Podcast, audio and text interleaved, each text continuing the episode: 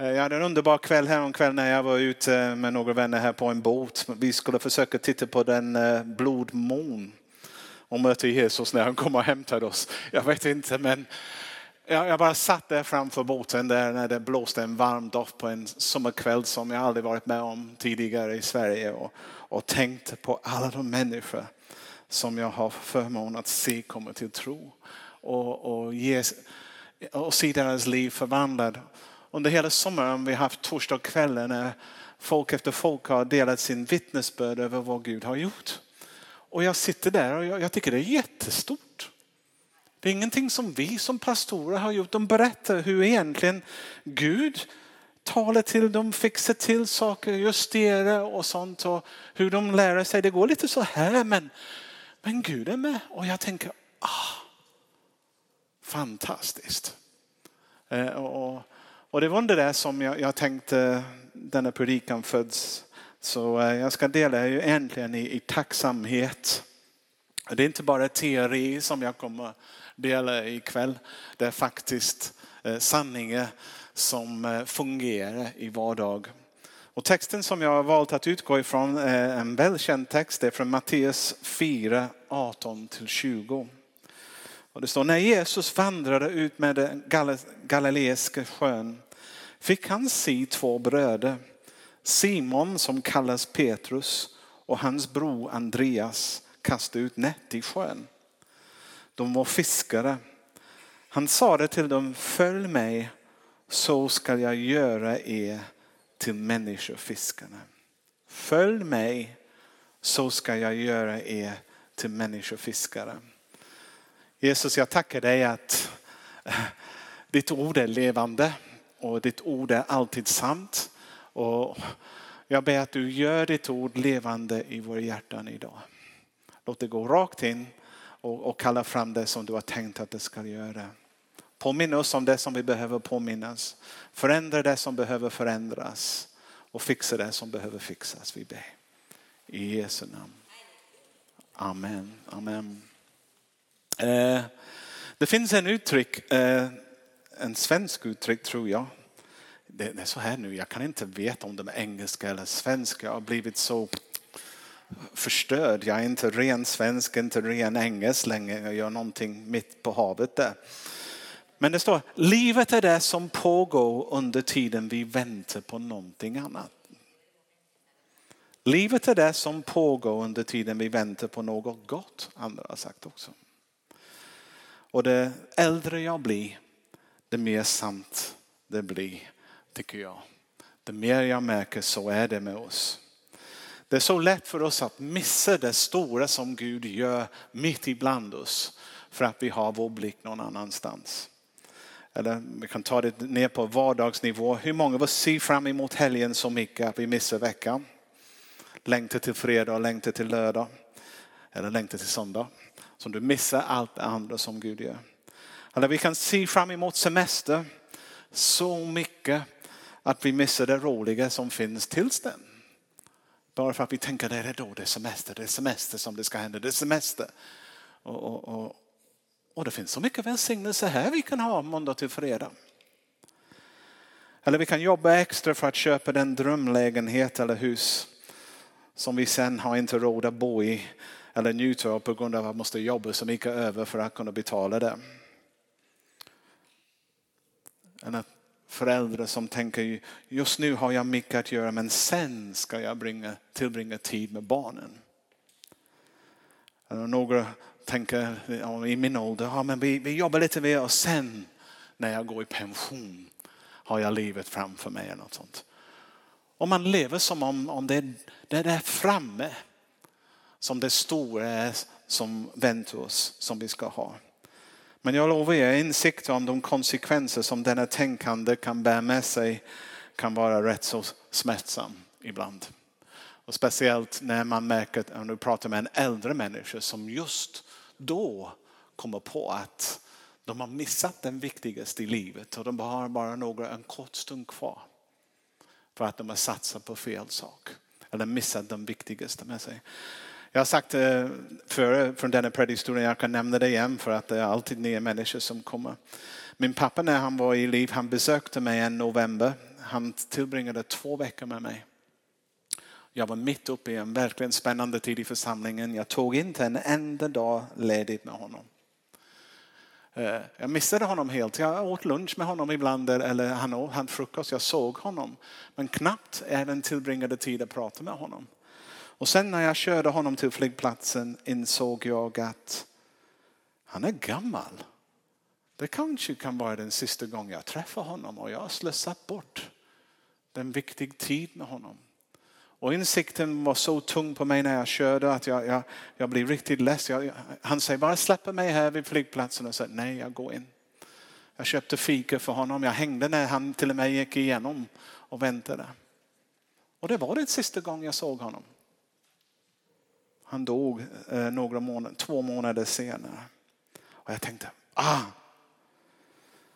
man kan tänka också föräldrar som har små barn, de tänker de alltid har dem. Jag tänker på nu när jag är ute och ser familjer på semester. Jag älskar det. När jag ser mamma och pappa och barnen och jag ser alla skrikande och springer efter dem. Jag tänker, åh vilken fantastisk tid. Och sen jag kommer på att åh, det var så fint när vi hade det. Men man räknar ihop, det är inte så många. Kanske sex, sju stycken år som du har hela familjen tillsammans. Sen den äldre börjar gå på någon läger eller någonting annat. Och ni är inte där längre. Det gäller att kunna leva här och nu. Njuta av det som Gud har gett oss. Leva fullt ut och hundra för vad man har. Ibland tror jag det är skrämmande. Vi kan betrakta livet som en ressträcka. Till exempel att åka till Stockholm för en helg. Det är hur tråkigt som helst, eller hur? Att åka den åksträckan. Om du åker tåg, det tar tre timmar om du har tur. Inte många har tur denna sommar. Det kan vara sju, åtta timmar att åka tåg till Stockholm. Eller du åker fem timmar bil och man tänker, åh, låt mig komma fram. Bara i Laxå, bara någon annanstans. Få fram flera timmar framför mig. Och vi, ibland vi kan betrakta livet som att det är okej, okay, det, det, det som riktigt livet är. Och det är just en ressträcka nu som är tråkig som vi måste fylla på med någon bra film eller någonting så att tiden får gå. Men mina vänner, det är själva resan som är livet. Livet kommer aldrig bli mer verkligt än vad det är just nu. Och Gud kommer, Gud kommer aldrig vara mer närvarande än han är just nu. Vår upplevelse av hans närvaro kan variera. Men han är lika nära nu som han har alltid varit. Det är nu, här och nu som livet levs. Inte imorgon, inte nästa vecka. Och det är kanske en av de tuffaste utmaning som vi är tvungna att ta till oss. Det är att kunna ha fötterna på jorden och huvudet i himlen. Eller fokus framåt men att leva i nuet. Och det verkar vara en utmaning som kyrkan rent historiskt har haft det svårt. Eh, kyrkan har oftast hamnat i den förflutna, den gamla goda tiden och hur underbart det var då och sånt sådär. Eller det är en kyrka som tänker om vi, vi överlever oss, håller, håller ut till Jesus kommer tillbaka när lösningen kommer. Men det är här och nu. Det finns starka, det, bägge dessa två sätt att tänka missar det som Gud gör just nu. Och det är det som Gud gör just nu som är så gott. Och som, så, som om vi kan bara se det och ta till, till, till oss det kommer berika vårt liv otroligt mycket. No, vi kan, jag har skrivit här, vi kan inte leva på gårdagens eller morgondagens välsignelse. Vi lever av den färska brödet som Gud ger oss idag. Precis som Israel gjorde i öknen. De fick det varje dag. Och de kunde inte behålla det till nästa dag. Eller de kunde inte använda föregårdens mat för att äta idag. Det var det som Gud hade för dem just idag som de levde av. Jag tycker det är underbart. Jag behöver inte vara så orolig på, det, på, den, på den punkten. Så när Jesus kallade sina lärjungar, han kallade dem inte till en resmål. När han kallade de första lärjungarna, han sa, hej grabbar, häng med mig till Jerusalem. Eller följ mig till Jeriko. Eller följ mig till Betlehem eller vad än det var. Hans enda fråga till de lärjungarna när de var ute och fiskade, han säger följ mig.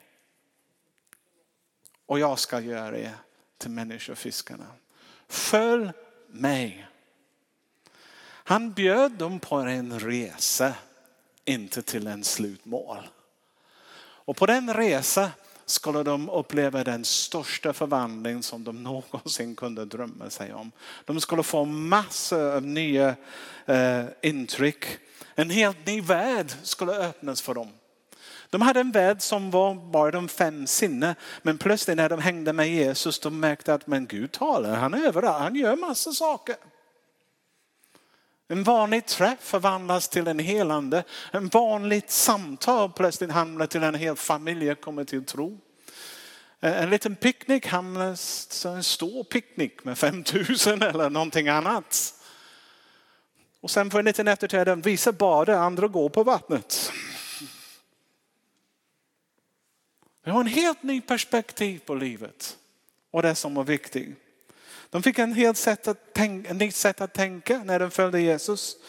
Ja, en tanke som är utanför sig själv. Ja, är det inte den största befrielse som vi kan få? När vi slutar tänka på oss själva och börjar tänka på det som, som Gud har. Men när vi kommer ur vår egna bubbel och in i den verklighet som Gud har framför oss. Som vi ser det, en fantastisk resa. De fick uppleva glädjen att vara lösningar istället för problemet på resan. Jag tänkte på det, i, i måndags hade vi en liten resa för de som jobbar i huset, lite, de som, frivilliga som kommer och jobbar. Jag tänkte vi tar en resa till Smögen. Och vi skulle gå till, på bryggan och bada men vi tappade två stycken i vår grupp. För jag gick förbi faktiskt, jag måste erkänna, det, var en familj som försökte få sin båt i sjön. Och de kämpade, de tryckte, de la plank under, försökte glida den in i vattnet och sånt. Och jag tänkte, de har ingen aning vad de gör. Eller hur? Så tänkte du med också, yes. Men det, så tänkte inte Roger och Tim. De tänkte, de behöver hjälp.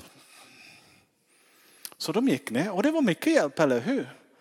Och till och med när ni fick båten in, då märkte ni att den inte satt proppen inne också så det fick komma ut igen. En liten tips om ni vill åka båt, se till att proppen är in innan man sjösätter den. Annars det, det kommer inte bli en lång resa. Och, och, och jag tänkte, vad, vad, gör de? Och sen, sen, det var jättevarmt också, svettig, solen bara brann ner och sånt. Och sen, Sen får jag lära mig att mannen hade haft stroke och det var därför han kunde inte lyfta. Hans unga dotter försökte lyfta men de hade inte muskler för det.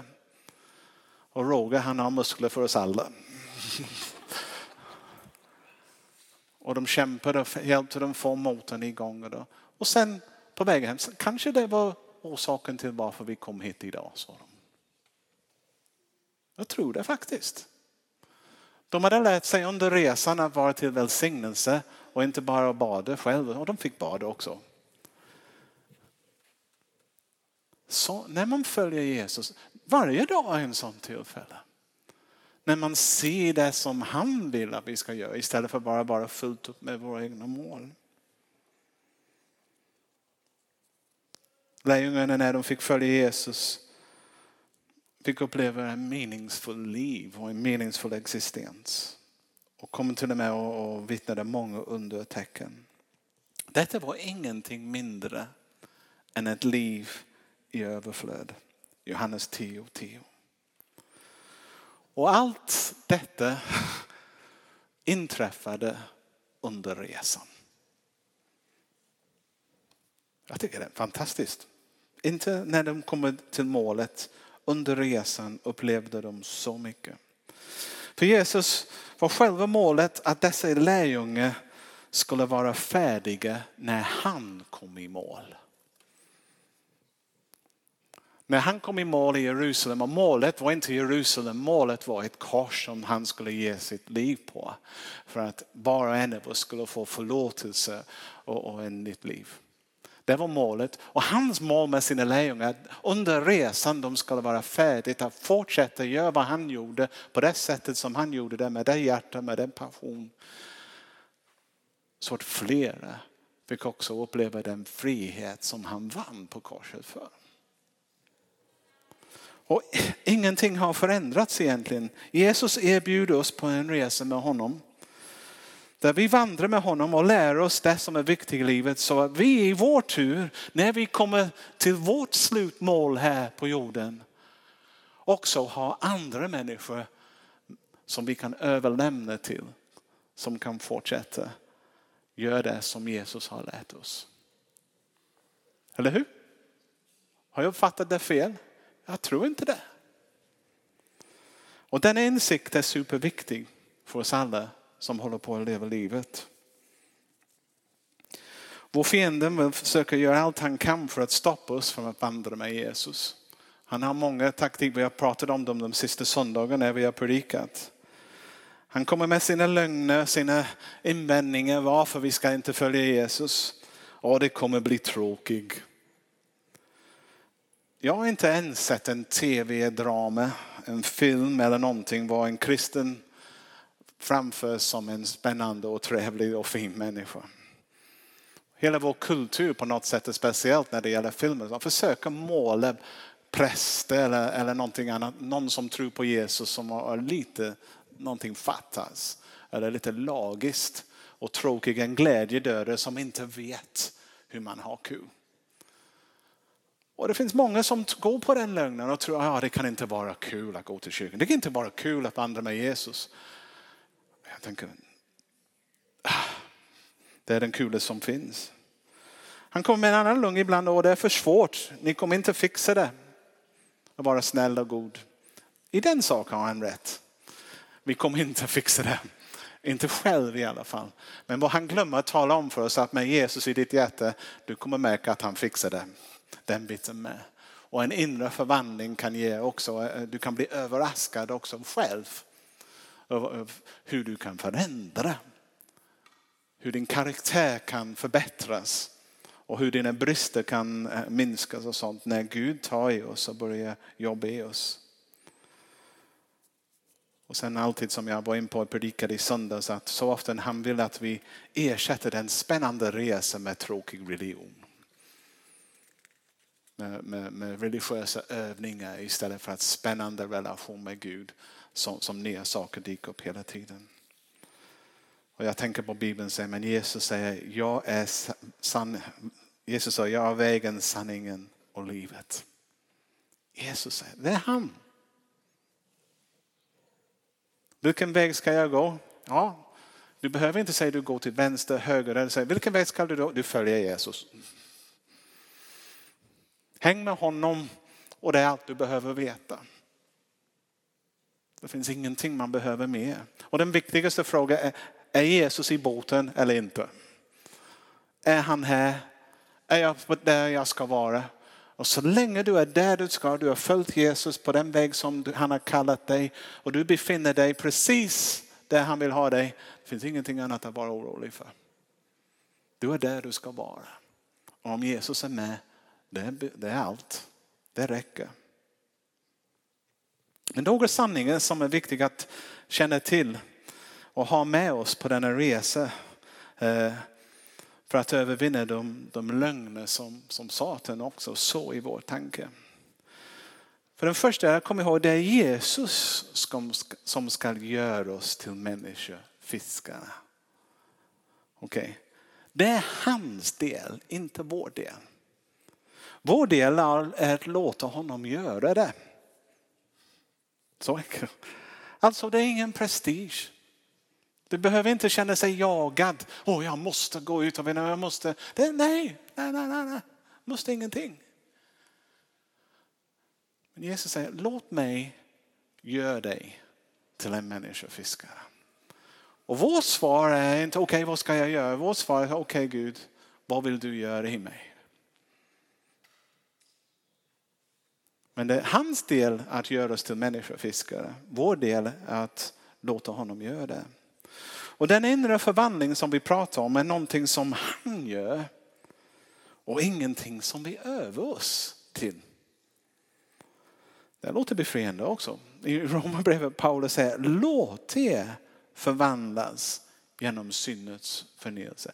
Låt det. Han säger inte förvandla hur du tänker, ändra ditt sätt att agera. Han säger låt den heliga ande förvandla dig. Wow. Det är han som ska göra oss till människofiskare. Det är han som ska förvandlas.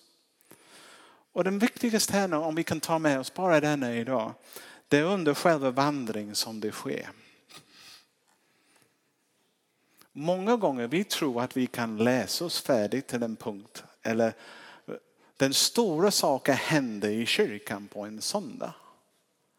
Eller jag får, om, du blir förvandlad till en medmänniska, du tror att jag kan gå fram för förbön och bara få det, nu, nu det händer bang.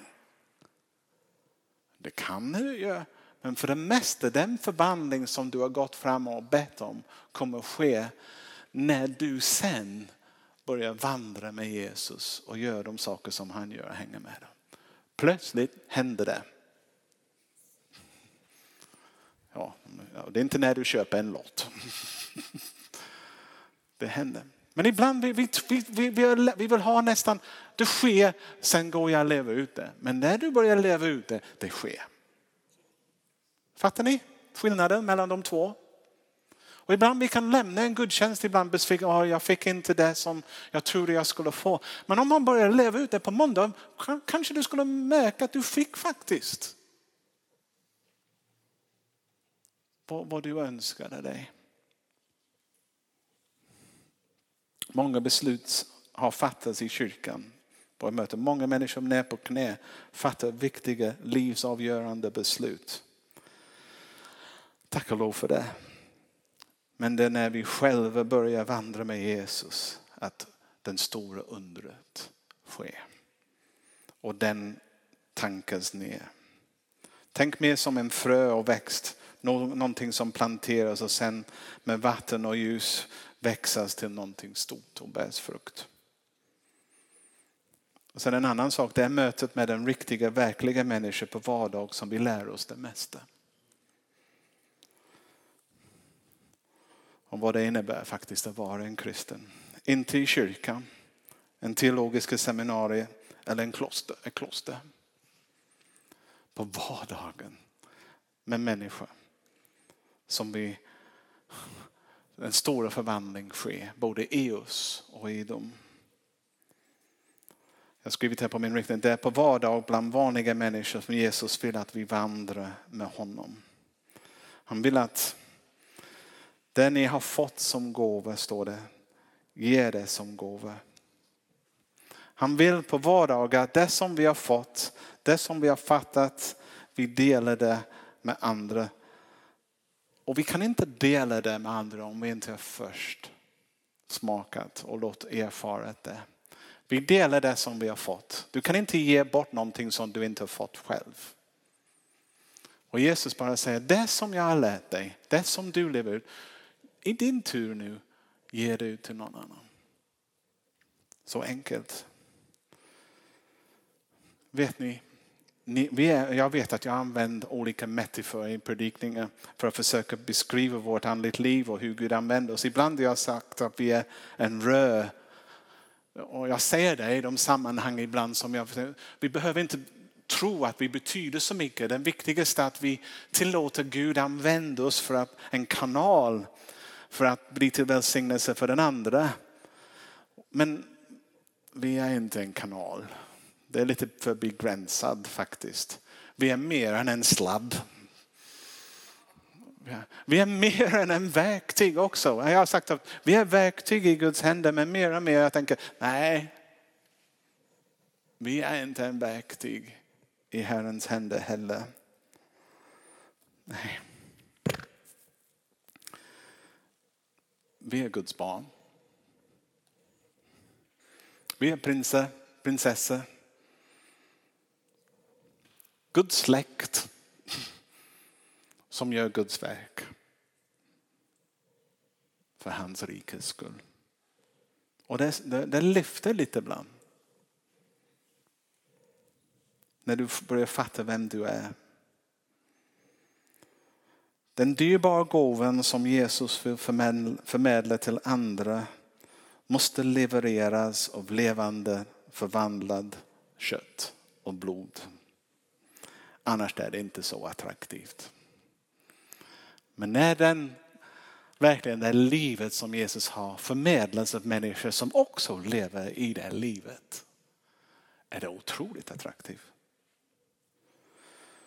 Men om vi undrar ibland om folk är inte intresserade av att bli kristen kanske vi behöver bara titta på oss själva och se hur vi beter oss och vad vi säger.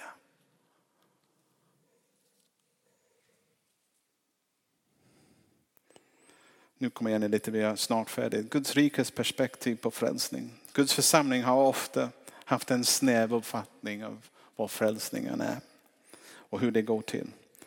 Det var ganska exklusivt rent historiskt. Eh, vi har delat upp folk som kristna och icke-kristna. Frälst, ofrälst, med eller inte med. Och detta kan vara sant.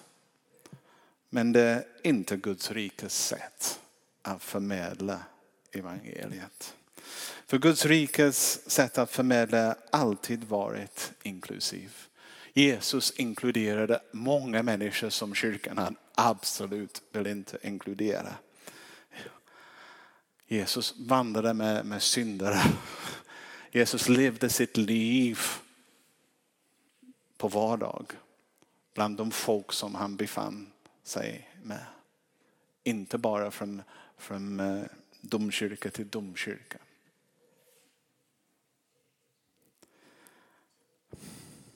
Alltså Jag säger egentligen, frälsning är en process för det mesta. Där sanningen ersätter lögner. Och ett nytt liv växer fram. Jag vet inte när någon blir frälst eller inte. Jag vet bara att den stund de vänder blicken till Jesus att någonting händer. Och ibland undrar jag om folk blir frälst långt innan vi tror att de har blivit frälst. Förstår ni hur jag tänker? För de har börjat en resa som kan inte sluta på någon annan sätt. Än att Jesus tar mer och mer plats i deras liv. Och när går övergången? Det vet jag inte. Guds rike är inklusiv. Och den bekräftar Guds godhet långt innan det syns utåt. Till sist. Ni kanske gjort en hel del resa under året, under livet. Kanske under sommaren du har haft en fantastisk resa eller två. Men de resor går inte att jämföra med den resa som, som Jesus erbjuder dig på. Du har kanske fått en sista minut resa som är, som är väldigt bra men jag lovar dig, det finns ingen resa som är mer spännande, ger mer, ger mer eftersmak, ger mening till livet än en resa att säga till Jesus, jag följer dig. Och jag vill låta dig göra mig till att vara människofiskare. Jag vill tillåta dig att förvandla mig. Och jag vill följa dig var du än går. För jag vill ha det livet i överflöd som du har lovat. Vill ni vara med på en sån resa? Jag vet inte vad ni är. Kanske du har varit kristen länge. Kanske du är bara en här idag och jag tänker du får börja. Kanske du till och med frestas att, att ge upp. Oh, jag fixar inte det. Jag ska säga till ge inte upp. Det viktigaste är du bjuder in Jesus och säger Jesus hjälp mig se vad du gör. Hjälp mig veta var jag ska vara. Jag följer honom. Det var inte svårt eller? Det kostar inte massa heller. Du behöver inte boka en, lång, en dyr biljett. Biljett är betalt och du behöver inte heller en pass. Du behöver ett hjärta som öppnas till Jesus. Ska vi be. Jesus, jag tackar dig att du tog vanliga människor, fiskare, De var inte från samhällets topp. De var inte de mest utbildade. De var vanliga människor. Som du bjöd på en resa. Som förvandlade deras liv. Och deras liv förvandlade andras liv och andras liv har förvandlat andras och, och till och med deras liv har förvandlat våra liv. Och ingen av oss står här idag i vår egen kraft. Vi har sett dig leva ut din härlighet genom vanliga människor. Och vår bön är att du hjälper oss också att leva ut vår tro på dig på ett sätt som är smittande. Äkta, verklig och kraftfull. Kom heliga Ande, förvandla vår sinne, förvandla våra hjärtan. Förvandla hur vi tänker, förvandla hur vi ser på andra människor.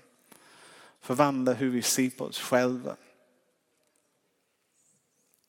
Hjälp oss denna vecka som står framför oss leva ett liv som din sann efterföljare. Jag ber i Jesu namn. Amen.